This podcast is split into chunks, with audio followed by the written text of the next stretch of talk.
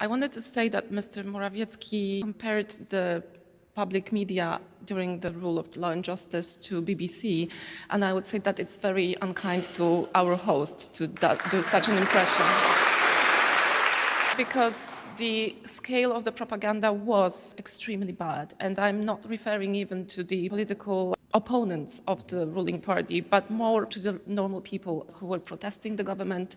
I myself was very involved in many protests of LGBTQ community, of women's uh, rights activists, and we've had terrible, terrible dehumanizing narrative towards those people in the public media, something that should never be possible in the democratic country that's part of the European Union. Having said that, I am absolutely against letting any police raid any institutions. I think that it doesn't look well and it doesn't help when we talk about changing the, the atmosphere.